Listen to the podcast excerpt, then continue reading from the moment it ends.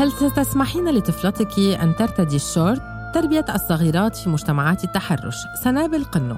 في عمر ثمان سنوات واجهت سؤالي الأول عن جسدي. لم يكن مصدر السؤال اكتشاف الطفلة الصغيرة لجسدها بل تحذيرا تلقيته من بائع في الحارة التي أسكن فيها إذ وجه إلي ملاحظة صادمة طالبا مني إيصالها لأمي. احكي لأمك أنه فخادك مغري خلية لبسك إشي أطول. حين بلغت أمي الرسالة بحرفيتها توترت. وطلبت مني الصمت وعلى الأغلب فقد شعرت بالذنب تجاهي وبالخوف من البائع وغيره. ما زلت أذكر هذه القصة كأنها حدثت للتو وأعرف جيدا أن آثارها حكمت جزءا من تجاربي كطفلة ثم مراهقة ثم شابة. كانت وجهة نظر أمي في التربية تتلخص بأن المجتمع غير آمن. لذا علينا كفتيات التزام الصمت. إذا سمعنا كلمة غزل وألا نلتفت إلى الوراء إذا شعرت إحدانا بأن أحدهم يلاحقها كي لا نوصم بقلة التربية فبحسب رأيها إن اللواتي يستجبن لأي تعليق في الشارع لسن محترمات. لكن ما حدث معي كان مختلفا عما حاولت أمي تربيتي عليه. فأنا لم أستمع لكلمة تحرش واحدة دون أن أقف وأصرخ بصوت عال وأردها لصاحبها ولم أخف من وصمة عار ستلحقني لأني أحمي حدود كرامتي النفسية والجسدية وكنت مراهقة لم أبلغ الثامنة عشرة. حين صفعت رجلا كان يسير خلفي في طريقي إلى المدرسة ويسمعني أبشع الألفاظ. كان لتجربتي أن تصنع مني فتاة برهاب اجتماعي ناقمة على جسدها ومتوجسة من الابتعاد عن أمها. لكنني لسبب ما نجوت إلا أنها نجاة بالصدفة لا بسبب التربية الجنسية وفهم حدود الجسد. وبالتالي منع أي اعتداء يمكن أن أتعرض له كطفلة. بل بسبب غضبي في كل مرة تعرضت فيها لانتهاك لفظي أو بصري.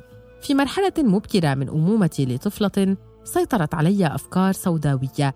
أهمها الخوف من تعرض ابنتي لتحرش جسدي من قبل أحد ما في دائرتها الضيقة. ثم شيئا فشيئا تضخمت هواجسي فصرت أشك بالجميع. وأفترض أن حمايتها لن تكون شاملة إلا حين أبدأ بتعليمها أهم المفاهيم حول الجسد وخصوصيته.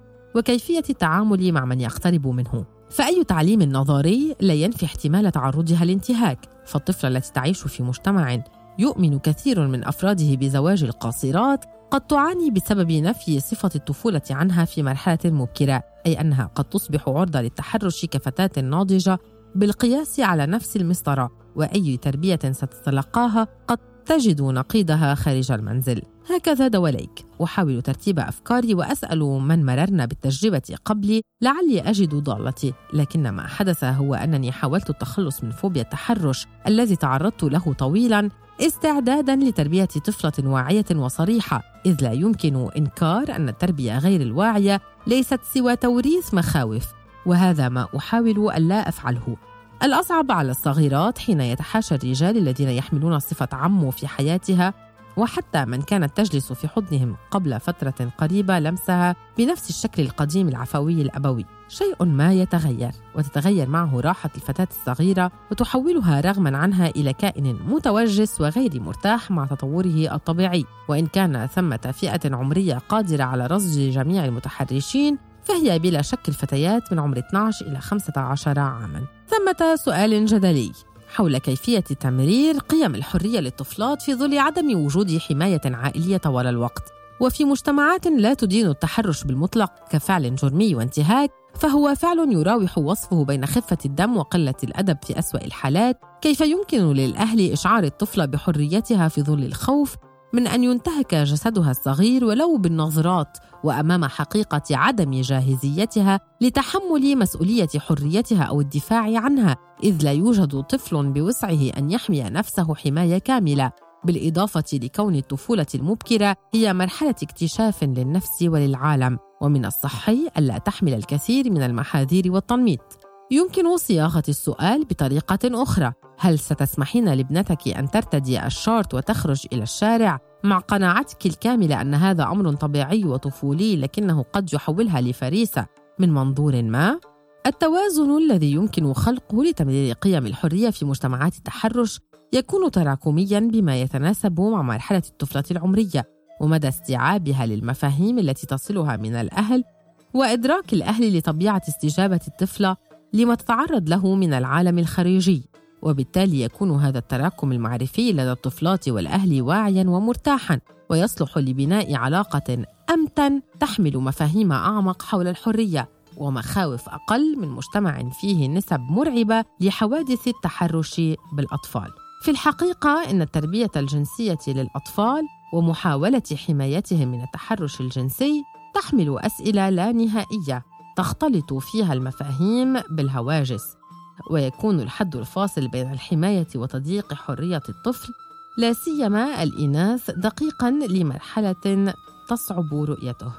تشير تقديرات منظمة الصحة العالمية لعام 2019 أن مليار طفل في المرحلة العمرية من 2 إلى 17 عاماً تعرضوا لعنف جنسي أو بدني أو وجداني أو عانوا من الإهمال العام لكن كثيرا من أصحاب الاختصاص من من عملوا على هكذا تقارير وإحصائيات في العالم العربي يعتقدون أن النسب لدينا أعلى من تلك المعلنة. نتيجة حالة التكتم والخوف من الفضائح التي تحكمها ثقافتنا وأيضا بسبب أن معظم هذه الحالات يمكن تصنيفها تحت سفاح القربة يكفي أن نعلم أن أكثر من 95% من الانتهاكات تكون من قبل أشخاص تربطهم معرفة مسبقة بالطفل. إلا أنني كأم لطفلة أحاول تخطي البحث في هذه الأرقام المرعبة والتوجه لتعلم أساليب تربية بوسعها مساعدتي كامرأة حرة. أحاول تربية فتاة قوية وقادرة على رد الاعتداء الجنسي أولا ثم الإخبار عنه. خلال بحثي عن الإحصاءات تعرفت إلى الشبكة الوطنية للصدمات النفسية للأطفال في المملكة المتحدة إذ تقول في واحد من إحصاءاتها على الرغم من أن العديد من الأطفال الذين تعرضوا للاعتداء الجنسي تظهر عليهم تغيرات سلوكية وعاطفية فإن العديد من الأطفال الآخرين لا يفعلون ذلك. لذلك من الضروري التركيز ليس فقط على الاكتشاف ولكن على الوقاية والتواصل من خلال تعليم الأطفال سلامة الجسم وحدود الجسم الصحية وتشجيع التواصل المفتوح حول الأمور الجنسية. وهذا ما عزز لدي أهمية أن أتعلم لغة ابنتي الجسدية وأن أطور وسائل أتتبع فيها ردود أفعالها بأقل أسئلة ممكنة. إن النقاش حول تربية الفتيات الصغيرات وحمايتهن من التحرش الجنسي يقابله نقاش آخر لا يقل أهمية يتمحور حول دوائر الأمان التي بوسع الأهل الارتياح لكونها تساند في حماية الطفلة من الاعتداء لأن انعدام هذه الدوائر يعني أن تلغي الأسرة وبالأخص الأم حياتها في سبيل حماية الفتاة الصغيرة في سن ما قبل المدرسة ثم الدخول في دوامة الشك والترقب اليومي عند عودتها إلى المنزل وهذا بوسعه إنهاك أي امرأة ويصعب مهمة التربية والحماية. والأهم أنه يحيد مفاهيم الحرية التي يمكن منحها للفتيات. أمر أخير سيصعب التنويه به وهو علاقة الحريات الممنوحة للفتاة بالدوائر والطبقات الاجتماعية التي تتحرك فيها. فالفتاة التي تركب سيارة عائلتها لا تواجه ما تواجهه التي تركب المواصلات العامة. والفتاة التي ترتاد المدارس الخاصة التي تسمح بالاختلاط حيث هناك اتفاق على حد أدنى من الحريات لا تواجه ما تواجهه التي ترتاد المدارس الحكومية حيث قيم الأغلبية المحافظة هي الحاكمة. والفتاة التي سجلتها عائلتها في ناد رياضي تختلط فيه بين شبيهاتها غير تلك التي تضطر لقضاء أوقات فراغها في منازل العائلة وفي الحارة. ارتباط نوع وكم الحريات الممنوحة للفتيات بالمتاح ضمن الطبقة الاجتماعية قد يوصلنا لخلاصة صعبة. هي أنه ليس مسموحا لك تربية فتاة علمانية إذا كنت فقيرا. فلسنوات طويلة عملت كثير من التيارات المحافظة وتيارات الإسلام السياسي على منهجية ثابتة تهدف إلى تعهير الحريات بين الفقراء. الفكرة السابقة نعيشها يوميا لدى رؤية فتيات كبيرات وصغيرات يرتدين الحجاب رغما عنهن ورغما عن أهاليهن فقط للحماية في طريقهن إلى المدرسة أو الجامعة أو العمل.